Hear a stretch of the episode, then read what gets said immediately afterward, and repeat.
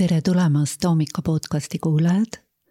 täna me oleme jälle stuudios salvestamas ja tänane teema on meil elu stressis versus elu flow's.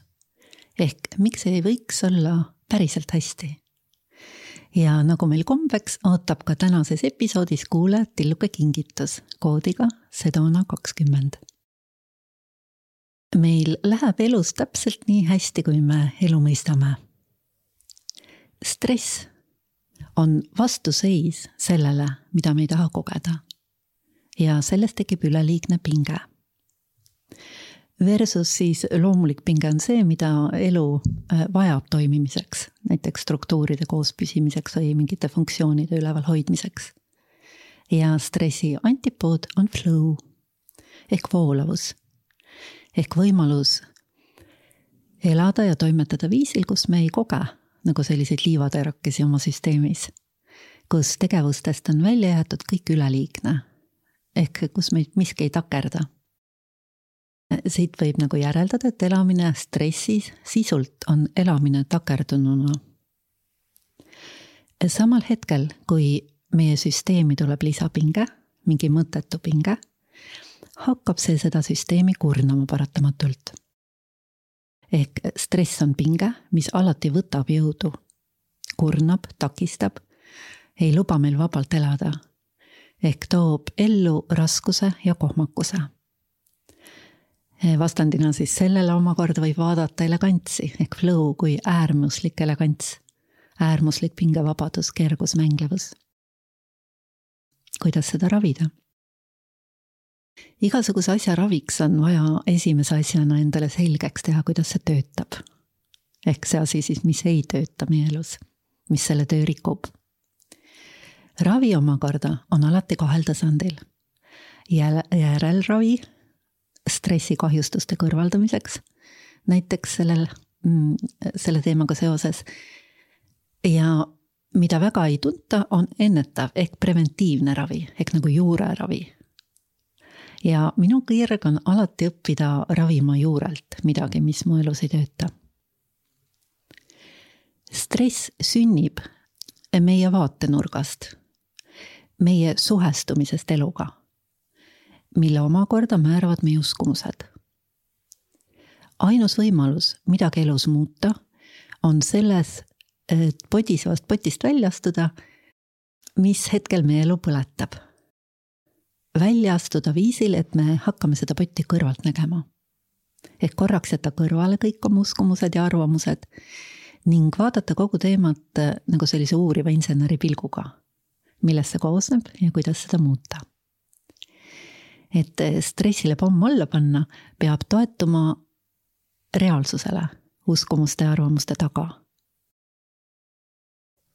esimene fakt, mille me avastame nii uurides, on see, et stress või see ebamugav pinge, mida me stressiks nimetame, on alati emotsionaalne, ehk ta sünnib meie keha seest. ehk see ebamugavus ja pinge on minu naha all. üldlevinud vaade on vastupidine. stressi põhjused on sündmused väljaspool mind ehk maailmas. Täpselt samale karmile sündmusele aga reageerivad inimesed seinast seina kattes ära kogu emotsioonide skaala vastavalt sellele, kuidas nad on seadistunud elu suhtes. ehk reaktsioon valusale infokillule käivitub meie naha all eh, mingi protsess, mille tulemusena me kogeme seda pinget ja emotsionaalset valu. ja siis me hakkame omakorda vastavate mõtetega nagu puid alla panema sellele. ehk tekib selline nõiaring järjest kehvemasse enesetundesse ja pingesse ja kuna selle juurpõhjus pole maailmas, pole meil ka mingit võimalust stressi eest kuhugi põgeneda. sest me ei saa kunagi peatada maailma sellisel meile meeldival viisil või hetkel. ja ennast selle süsteemi autopiloodi kätte jättes, et välised sündmused trigerdavad meis mingit valu, oleme me igavesti haavatavad pidevas ärevuses ja pinges ja ärevus siin on nagu mingi eelootushirm mingi negatiivse uudise eest, mis varem või hiljem ju alati tuleb. selles mõttes on ta alati õigustatud. sellise fakti sügaval tasandil omaks võtmine avab inimesele juurdepääsu võimalusele kogu stress juurelt välja ravida. taibata ja hakata kogema, et mul on võim oma elu üle. ja see annab kogu sellele ärevusele, mis on siis stressi peamine trigger, surmahoobi. et oma olukorda mõista, selleks on hea panna endale diagnoos alguses, ehk millist emotsioonide klassi ma kõige rohkem igapäevaselt kasutan. iga klass on omaette suletud süsteem, mis määrab kogu inimese maailmataju. ehk erinev, ta on nagu erinev teadvuse tasand, mis on omakorda nagu väike omaette planeet. Ja huvitaval kombel määrab see ka inimese tervise, sest keha reageerib otsekohe sellele emotsioonile, mida me kasutame ja niimoodi emotsioonide kaardi tundma õppides saame adekvaatse pildi meiega toimuvast, sest seda on nii lihtne mõista, kui see on lahti nagu seletatud või kirjutatud. hakkame siis jälle otsast arutama. ehk inimene, kes samastab ennast süütunde, lootusetuse, meeleheitega, kogeb kõik enda ümber samades värvides. Eks see on siis see, kes on selle emotsionaalse skaala põhjas, päris põhjas. siit nõks edasi, kurbuses on inimene täis kahetsust ja kogu elu tema ümber näeb õnnetuna. hirmu tasandil on inimene pidevalt mures tuleviku pärast ja see pidev ärevus ei luba nautida ka elu helgemaid hetki. iha tasandile jõudnu pole, tal pole kunagi küllalt, ikka on millestki puudu ja seetõttu on tema pidevaks kaaslaseks frustratsioon. viha tasandil tundub, et peab kõigiga võistlema ja võitlema ja seega elatakse pidevas konfliktis või siis konflikti ootuses ehk mingist rahust pole juttugi. uhkuseni jõudnu on pidevalt valves, et äkki keegi tema staatust ei ohustaks. ja see haavatavus seadistab end kaitsepositsiooni ehk seeläbi pidevasse pingesse. Ehk kui hästi lihtsalt, ülevaatlikult, nagu me praegu tegime, seda emotsioonide klassifikatsiooni vaadata, siis see on nagu maakaart. ja seeläbi inimene saab esimest korda elus hakata orienteeruma oma tunnete tohuvabohus, mida psüühikaks kutsutakse. ja piisab isegi väga pinnapealsest tutvusest selle teadmisega, kui saab selgeks julm tõsiasi. ehk alumistel tasanditel ei olegi võimalik elada stressita. Nendesse tasanditesse on sisse kirjutatud ülepinge ja mõttetu jõukulu ehk elujõu raiskamine. ehk kasutades neid elu lõhkuvaid emotsioone, elu võtab sult jõudu ära pidevalt. eks see on mõneti nagu väga õiglane. ehk me oleme paratamatult kroonilises stressis seni, kuni kasutame eluks madalamaid emotsioone. ja seda mõistes ei ole vaja mingit erilist stressiravi on vaja lihtsalt mõista, millises suhtes sa eluga oled ja tundma õppida, kuidas ennast natuke kõrgemasse klassi viia. ja see on päris julm oma ühesuses, sest apaatiast uhkuseni võid sa käia ühelt lõunamaa reisilt teise. Teha mida iganes, aga ikka oled rahulolematu ja lõpuks väsinud. sest keskkonnamuutus ei muuda sinu sisemist hinnaklassi. ta ainult natuke leevendab trigereid ja igasugune nagu stressiravi või eneseabi, mis ei õpeta muutma iseloomu ehk ei lõpeta, ei õpeta liikuma sind ühest hinnaklassist teise emotsionaalses skaalas, on tegelikult kosmeetiline. esimene tõsine leevendus, kus saab üldse rääkida mingist rahulolust ehk normaalsest enesetundest, on aususe ja julguse klass. et ehk stressist juurelt vabaneda on endal isiksusena vaja tõusta. ehk sisuliselt tundma õppida võimalusi, kuidas hoopis teisiti elule läheneda ja enda osale siis selles elus. ja aususe tasandisse tõusmine algabki endale reaalse pildi selgeks tegemisega.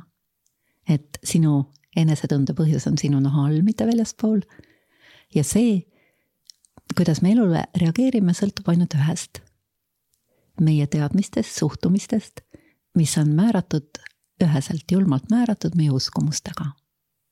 uskumused sellel tasandil on nii iseenesestmõistetavad et me isegi ei tule selle peale, et neid uskumustena defineerida, see lihtsalt on nii.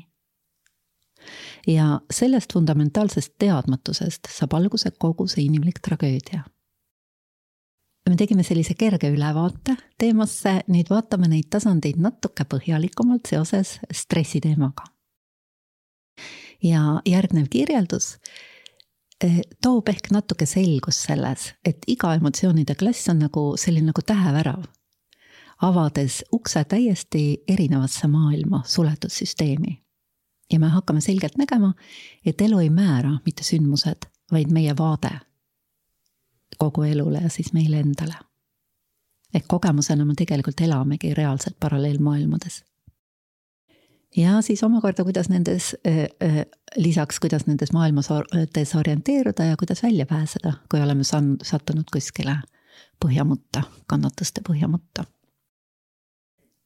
uuesti siis kõige madalamal süütunde tasandil me tegelikult vihkame oma elu ja ennast selles elus. me kogeme maailma destruktiivsena, elukannatusena. ja tegelikult võib vaadelda kogu elu kui ühte suurt stressi. midagi ilusat siin ei olegi. midagi ei voola. kõik on stagneerunud ja takerdunud apaatias elab inimene uskudes, et millelgi pole enam mingit mõtet, elu on lootusetu, unistused on surnud, keegi ei saa mind aidata. just see uskumus, see sisekõne, kõik on lootusetu, keegi ei saa mind aidata, ma ei saa hakkama. ehk need mõtted inimese peas on nii vägevad, et konverteeruvad vastavaks kogemuseks inimene sõna otseses mõttes sooritab aeglast enesetappu oma mõtete kaudu, ise teadmata, kui vägevad on tema mõtted. ja kes ei taha elada, sellelt võetakse ka jõud elada. ehk inimesed kõige madalamatel tasanditel kogevad pidevat kirjeldamatut väsimust ja lõpus täielikku tuimust. ehk äh, niimoodi muutuvad inimesed depressiivseteks ja mida jõuetumalt ja lootusetumalt me ennast tunneme, seda mustemad omakorda on meie mõtted, mis peast tiirlema hakkavad. ja meile endale tundub see nii loomulik, ainuvõimalik. loomulikult on mul ju peas halvad mõtted, kui ma sellisesse olukorda olen sattunud. ja siin jällegi mängib tohutu karuteene teadmatus. meile lihtsalt pole koolis ega kodus õpetatud, et me saame ise mõelda. Sest meile tundub, et me ju mõtlemegi ise kogu aeg. tegelikkus on midagi muud meie peades jookseb nonstop mõtete voog, millel meie vaba valikuga ei ole mitte mingit pistmist. ehk me oleme mõtete suhtes autopiloodil. ja nii enda teadmata satume oma mõtete kaudu nõiaringi ja hakkame luupima allakäiguspiraali suunas. Mida halvemini me ennast tunneme, seda halvemad mõtted meile tulevad. mida halvemad mõtted, seda halvemini me ennast tunneme ja kui me sellises madalseisus, kui meil on õnne kokku sattuda mõne targa sõbraga või komistada näiteks mõne podcast'i otsa, kus me saame täpse kirjelduse, tänu millele võib tekkida taipamine, et oh my god, ma ise teen seda.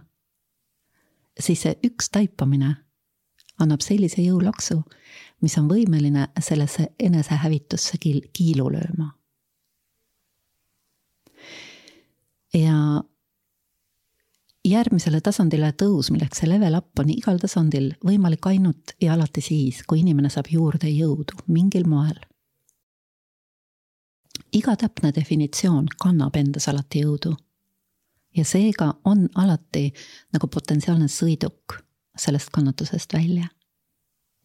ja see on peamine põhjus, miks me neid podcast'e teeme siin. ja miks juba praegu on nii paljud inimesed oma elule uue hingamise saanud nende teadmiste killukeste kaudu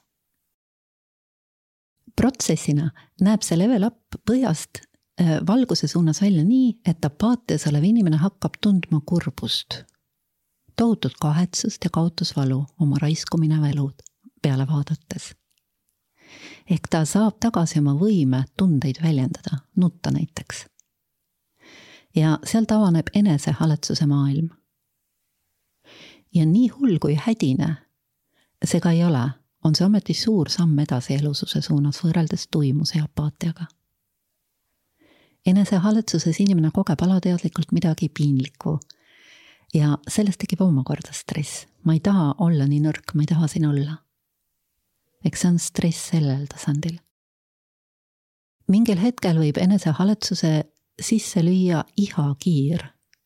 ma tahaksin ju ka normaalselt elada. äkki on mul võimalik teha midagi, mingi üks samm parema elu suunas ja kohe oled sa juba järgmises maailmas. ja koged jõu juurdevoolu. see omakorda toob endaga kaasa hirmu, mis siis, kui see ei õnnestu. kui ma kukun ikkagi läbi. ja oledki teinud järgmise level up'i, ärevuse tasandile. ärevuse tasandil on elu üleni üks suur stress. aga seal on juba jõud sees ehk võrreldes päris madalaga apaatiaga kus elu on elust täiesti välja justkui väänatud, on see tegelikult päris, päris suur samm edasi. Kui selles staadiumis ärevus võidab, eks sa ei oska sealt edasi minna, ülesse minna, siis paratamatult kukutakse tagasi, sest ärevuses elades inimene omakorda kaotab jõudu.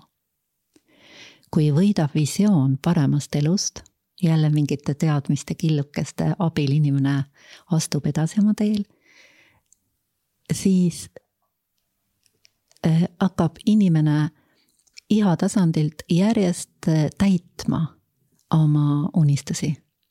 kas või natukese killukese haaval. ja neid täitma hakates saab inimene järjest jõudu juurde. Need võivad olla tillukesed, tillukesed edusammud. näiteks õhtuti kõndima minemine et sa saad aru, et ma saan midagi teha. ja kui neid niimoodi täitma hakata, siis võivad hakata täituma natuke suuremad äh, soovid. Ja mingil hetkel sa taipad, et äh, iga soovi täitmisega kasvab kohe uus asemele, eks see tasand oma loomult on täitumatu. ja tekib omakorda frustratsioon, pidev rahulolematus et mitte miski ei suuda tegelikult meid lõplikult rahulolevaks muuta isegi siis, kui ma olen päris tark, selline ja tubli ja töökas ja tege-, tegev. ehk ikka kogu aeg on midagi puudu. Ja me ei taha kogeda seda pidevat täitumatust ja jälle oleme stressilõksus. ja see omakorda tekitab viha frustratsioonist viha tasandile jõudnud inimest ajab kõik närvi. aga tegelikult see on omakorda level up seal on hoopis palju rohkem jõudu. see on selline tasand, kus üks on loll ja teine on laisk ja mina pean üksi rabama, seisund. See on võitluse, võistluse, võistlemise maailm, kuhu aeglus ei mahu enam.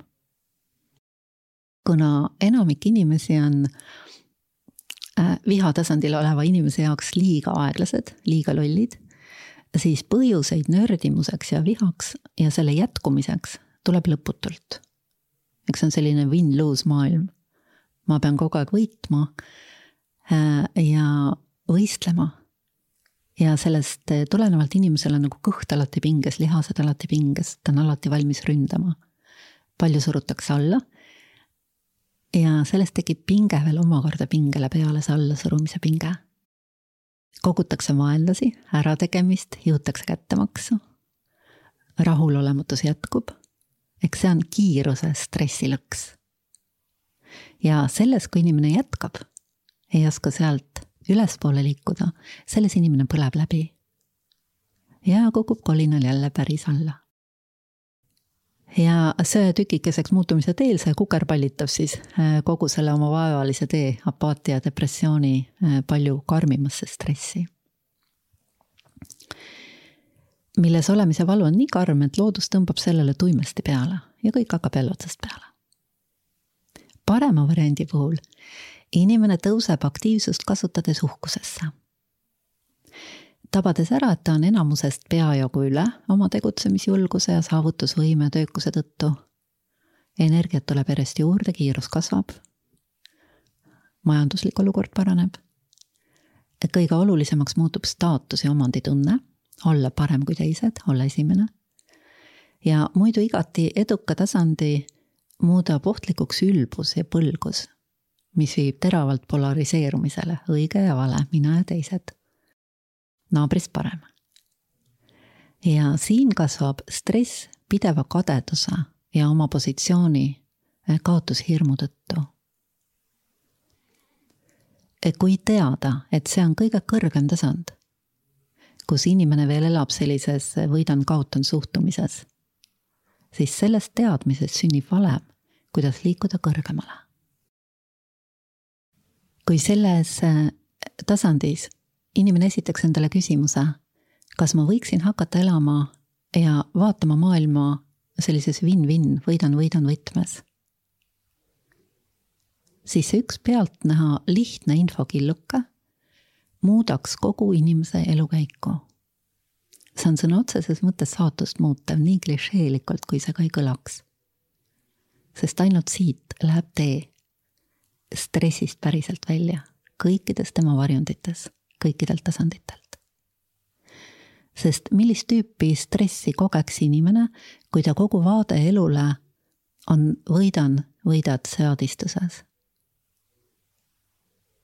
ja ta süveneb sellesse ja häälestub üleni sellele kõikides oma tegevustes ja suhetes. Kui inimene õpib hoidma kõiki oma ootusi ja tegevusi nii äris kui eraelus selles win-win setting us, siis see toodab paratamatult edu. siin ei ole võimalusi teisi. eks selline eelhäälestus, seadistus, vaade, setting, ükskõik kuidas seda nimetada, avab võimaluse esimest korda päriselt õnnelikumaks maailma kogemiseks, kus kaob ära see pinge, mis tundub olevat täiesti ja mis ongi täiesti paratamatu kõikidel madalamatel tasanditel, millest ei ole mitte mingit pääsu Eh, neid sead-, sellist seadistust on võimalik muuta vastavalt oma küpsusastmele. ja küpsemist on võimalik omakorda kiirendada. ühelt poolt intensiivsemalt siis elus kaasa lüües ja teiselt poolt täpsemaid teadmisi niimoodi hankides. sest mis on alternatiivid? alternatiiv on kukkuda tagasi vihasse uhkusest. Sest varem või hiljem osutub keegi sinust paremaks, rikkamaks, ilusamaks, nooremaks, edukamaks, targemaks teine alternatiiv on jääda uhkusesse. ehk sisemiselt järjest pettumusi alla surudes, jääkuningannaks muutudes, nii oma elujõudu kaotades kukud ikka varem või hiljem. ja vanemad inimesed näiteks, kes on uhkusesse, eriti peenesse uhkusesse kinni jäänud, on ka kaunis naeruväärne vaatepilt. midagi nagu haledat on selles, kõike muud kui ülendav, kui neid vaadata ehk eh, siiamaani siis kokkuvõtvalt stressi on viiel erineval tasandil, tegelikult kuuel, vastavalt siis emotsioonide eh, klassidele. teades neid tasandeid, saad sa enda suhet maailmaga kaardistada, endale nagu diagnoosi panna. ja ravi saab alati alguse täpsest diagnoosist, ma ei väsi seda kordamast. Kuhu siit edasi siis? Eh, mis juhtub inimesega, kes tabab ära, et elu saab vaadata ka win-win lähtepunktist. selle ühe muutusega väljub inimene ohvriseisundist. inimene nagu avaneb elule, saab tohutult juurde ressursse ja võimalusi. sest ta hakkab neid nägema. ta saab oma jõu tagasi ja alles siit on võimalus hakata elama tasapisi oma täisjõus ja hakata kogema elu täitumuses. järjest nagu täituvas täitumuses. see üleminek tegelikult toimub kaunis järsult, uhkusest julgusesse.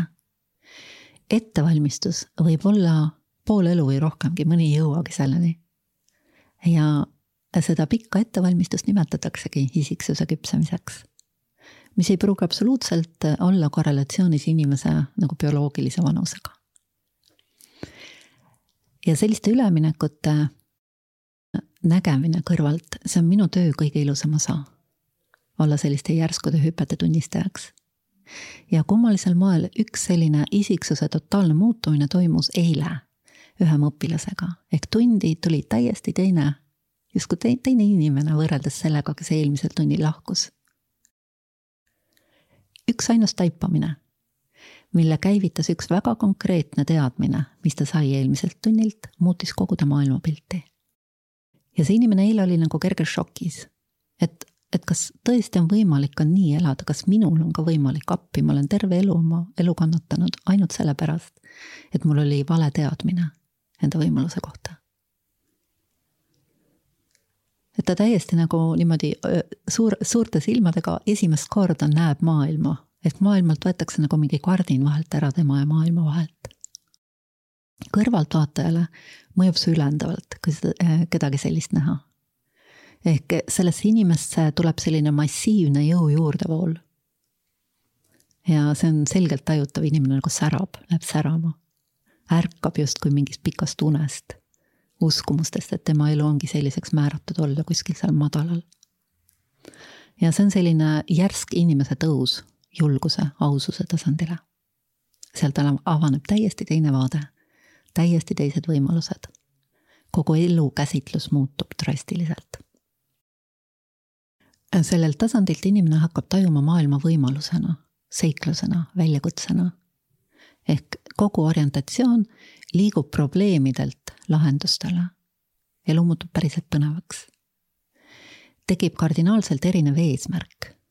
mitte, et kuidas ma võimalikult turvaliselt ellu jääksin, vaid pigem see, et kuidas ma selles võimaluste väljas nagu kõige paremini sobituksin, kus must kõige rohkem kasu oleks, kuidas ma saaksin maksimaalselt oma oskusi ja andeid kasutada. ehk ellujäämine asendub elamisega. ja stress sulab ise. Sa ei pea tegelema stressiraviga. krahmamise ja võistluse ja võitluse maailma kogetakse nüüd hoopis võimaluste koostöö ja teenimise sellise paigana täiesti juurelt lõpeb igasugune süüdistamine, süüdi olemine. lõpeb nõudmine, et keegi teine peaks mind õnnelikuks tegema. ehk kõik, mis madalamatel tasanditel tundus stressi tekitavatena, neid tajub inimene hoopis teistmoodi, nagu mingite probleemidena või kasvuvõimalustena. alati võimalusena saada tugevamaks, veel tugevamaks, veel targemaks. ehk ärevus asendub uuriva uudishimuga kui me tunneme valusat või mõttetut pinget, siis eks sellel tasandil ju maailm endiselt ei jäta sind torkimast, ehk ega maailm ei muutu siis roosamannaks sinu ümber, siis seda äh, kirjeldatakse endale hoopis teistmoodi. ja kui sa tunned, et miski tekitab sinus, trigerdab stressi, see tähendab, ma kasutan oma jõudu valesti. ma võimendan valu kas ma saaksin selle valu võimendamise kuidagi lõpetada ja hakata võimendama mingit väärtust selle vabanenud jõu abil. ja sellises suhtes eluga me võidame kogu aeg. Isegi juhul, mida me alumistel tasanditel käsitlesime kaotusena. sest kaotustest me võidame tarkuse. ja lõpuks niimoodi elades ja järjest kasvades me hakkame taipama, et stressi välises maailmas ei ole sest kogu meie kogemus välisest juhtub ju meie naha all kogemusena. ja samal hetkel, kui me selle põhjani omaks võtame, muutub meie suhe maailmaga. Ja, ja siis me jõuame tasandile, kus selle osa autopiloodist saab väga reaalselt lahti häkkida, kui on täpne teadmine metoodika, kuidas seda teha me saame sellise teadmise, et me tegelikult ei ole automaatselt sunnitud tundma ennast halvasti, kui juhtub midagi ebameeldivat. siiani ei olnud mitte mingit muud võimalustki, see oli ainumõeldav. kuna me ei saa mitte kunagi, mitte kunagi ja mitte kuidagi muuta maailma selliseks, et see enam meis mingeid pingeid ei trigerdaks. ehk maailm jääb duaalseks. aga iga inimene on võimeline ennast nii tugevaks õppima, et iseendast kogu see meie valiku vastaselt nagu üles hüppavate emotsioonide mehhanism välja puhastada. see on nagu mingi pop-up selline vabrik meie sees. et selline asi on võimalik. Ja seda niimoodi vaikselt äh, tundma õppides reaalses elus, alles siis me muutume nii tugevaks, et me ei hakka enam elu tagasilööke kogema stressina. lepime tõsiasjaga, et duaalses maailmas kõik käibki üles-alla. aga meil on nüüd esimest korda võimalus mitte selle lainetusega kaasa loksuda. ehk esimest korda elus tekib võimalus sisemiselt stabiilseks ja rahulikuks jääda, ükskõik mis ka ei juhtuks. Ja selline rahulikkus on kõike muud kui tuimus, mida me apaatia tasandil kogeme. see on selline elav, kergelt rõõmus rahu, mis mitte kunagi meid enam maha ei jäta. ja inimene hakkab kogema järjest suuremat vabadust, justkui lepib eluga ära ja sellel tasandil inimene ei seosta turvatunnet enam mingi välisasjaga, vaid avastab selle sügavalt enda seest. Elu kiiruse ja intensiivsuse sisse tekib kergus ja mängulisus, võimekus iseenda elu üle naerda. ja selliste tüüpidega on nagu hästi mõnus koos olla, kõik tahavad selliste seltskonda ja tänu sellele hakkavad tulema koostööpakkumised, vahest isegi ulmelised mingid võimalused juba täista, täitsa teistest hinnaklassidest. ja kui siin siis omakorda mitte sellise edukuse, uhkuse lõksu langeda, avaneb võimalus tõusta veel kõrgemale, armastuse tasandile. ehk hakata kogema baasseisundina seda, mida me alamatel tasanditel nii meeleheitlikult jahime ja mis seal mitte kunagi pidama ei jää, mitte kunagi astmelauaks omakorda sinna on kaastunne. aga see kaastunne kasvab nagu loomulikult inimese isiksuse kasvuga. Läbi selle, et inimene hakkab selgelt nägema, et iga teine ongi oma tasa, tasemel ja teeb igal hetkel seda, mis tema arusaamise järgi talle kõige parem tundub. et iga, kõik nad on lõksus oma tasemetel ja parim, mida neile anda saab, on mingi infokilluke, päästev infokilluke, kui nad selle omaks võtavad. tihti ei võta, peale suruda ei saa midagi. Ja kuna siis emotsionaalse intelligentsuse ainet koolis ei õpetata, siis kõigi elu käibki katse-eksituse meetodil. paljuski ämbrist ämbrisse. ja selle taipamine ja nägemine kutsub paratamatult esile kaastunde ja sellega koos kõik sellised positsioneerimised, süüdistamised, teiste valeks tembeldamised, tabades ära, et see ju ei lahenda midagi. see kõik asendub mõistva kaastundega. Kokkuvõtteks siis äh, apaatia, kurbuse, ärevuse, iha, viha ja uhkuse tasanditele on stress sisse kirjutatud. Need maailmad on seadistatud, võidan kaotan vaatele milles kogemusena sa kaotad alati. sest ka kõik välised võidud toodavad ärevust ja hirmu. seda võitu kaotada. ja selline pidev ebakindlus, millesse need tasandid inimest justkui näevad, võivad tekitada küsimuse, kas see peab nii olema? äkki on ka mingi normaalne võimalus elada? see omakorda võib viia taipamiseni, et võidan-kaotan mängu polegi olemas. kui kaotab üks osapooltest, siis paratamatult kaotab midagi ka teine. ja ainus võimalus on isiksusena küpseda tasemeni, kus me kogu seda mängu hakkame läbi nägema ja teeme otsustava jõupingutuse sellest täielikult väljuda. äkki on võimalik ka win-win setting, kus kaotavad mõlemad. ei kaota mõlemad, vaid võidavad mõlemad ja kuidas selleni järk-järgult jõuda sellisesse vaatesse. ehk kuidas asendada stress flow'ga. Ehk kuidas oma elu autopiloodilt järjest enda kätte tagasi võita. see ongi see toona meetodi põhiolemus. saada oma elu tagasi, jõud tagasi, kindlustunne tagasi ja lõpus oma rõõm tagasi. ja kuna inimese psüühika on nii triki ja meetodi tööle hakkamine sõltub väga täpsest teadmisest. siis on hästi mõistlik seda õppida otse pikaaegselt praktikult, kes on kursis kõikide nende aukude ja kändude ja juurikatega, mille taha algaja võib kinni jääda. ning selle aasta viimane võimalus seda teha on üheksateistkümnendal novembril Eesti hotellis ja siis alguses lubatud kingitusena kuulajatele teile kakskümmend eurot soodsamalt koodiga Sedona kakskümmend.